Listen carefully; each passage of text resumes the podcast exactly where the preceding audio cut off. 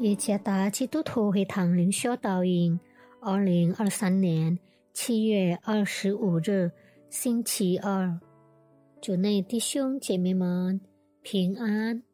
今天的灵修导引，我们会借着圣经诗篇九十一篇第一到第二节来思想今天的主题：神完美的同在。作者。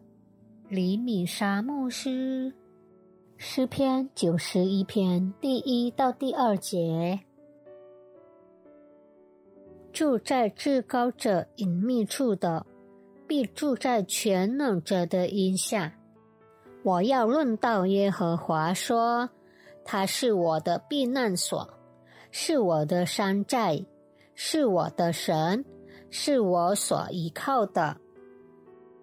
世界上没有一个不会害怕的人，就连菲律宾了不起的拳击手曼尼帕奎奥，也曾承认，在他心中也有恐惧感。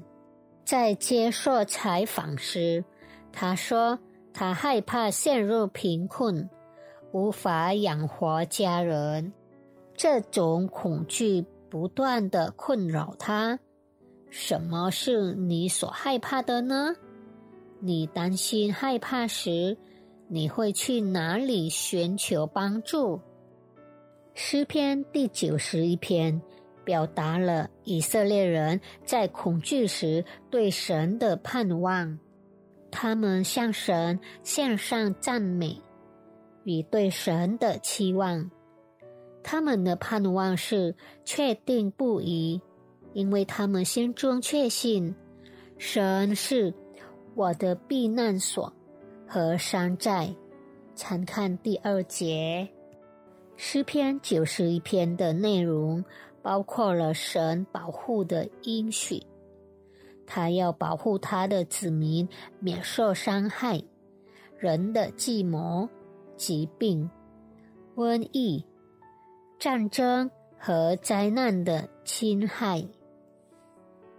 世上没有人生活中不会有困难和恐惧，但是更关键的是，你应该如何处理这些困难和恐惧？请记住，神并没有应许赐给我们一个没有任何危险的世界。当他允许在我们面临危险时要帮助我们，有时在无意中，我们靠自己的努力，在忙碌或困难里求生存。我们忘记了，我们最需要的是神的保护和同在，因为神创造了我们。他确实知道什么是对我们最好的，他知道如何保护我们，让我们的生命远离危险，与救主同行，人生安全无虑。愿上帝赐福大家。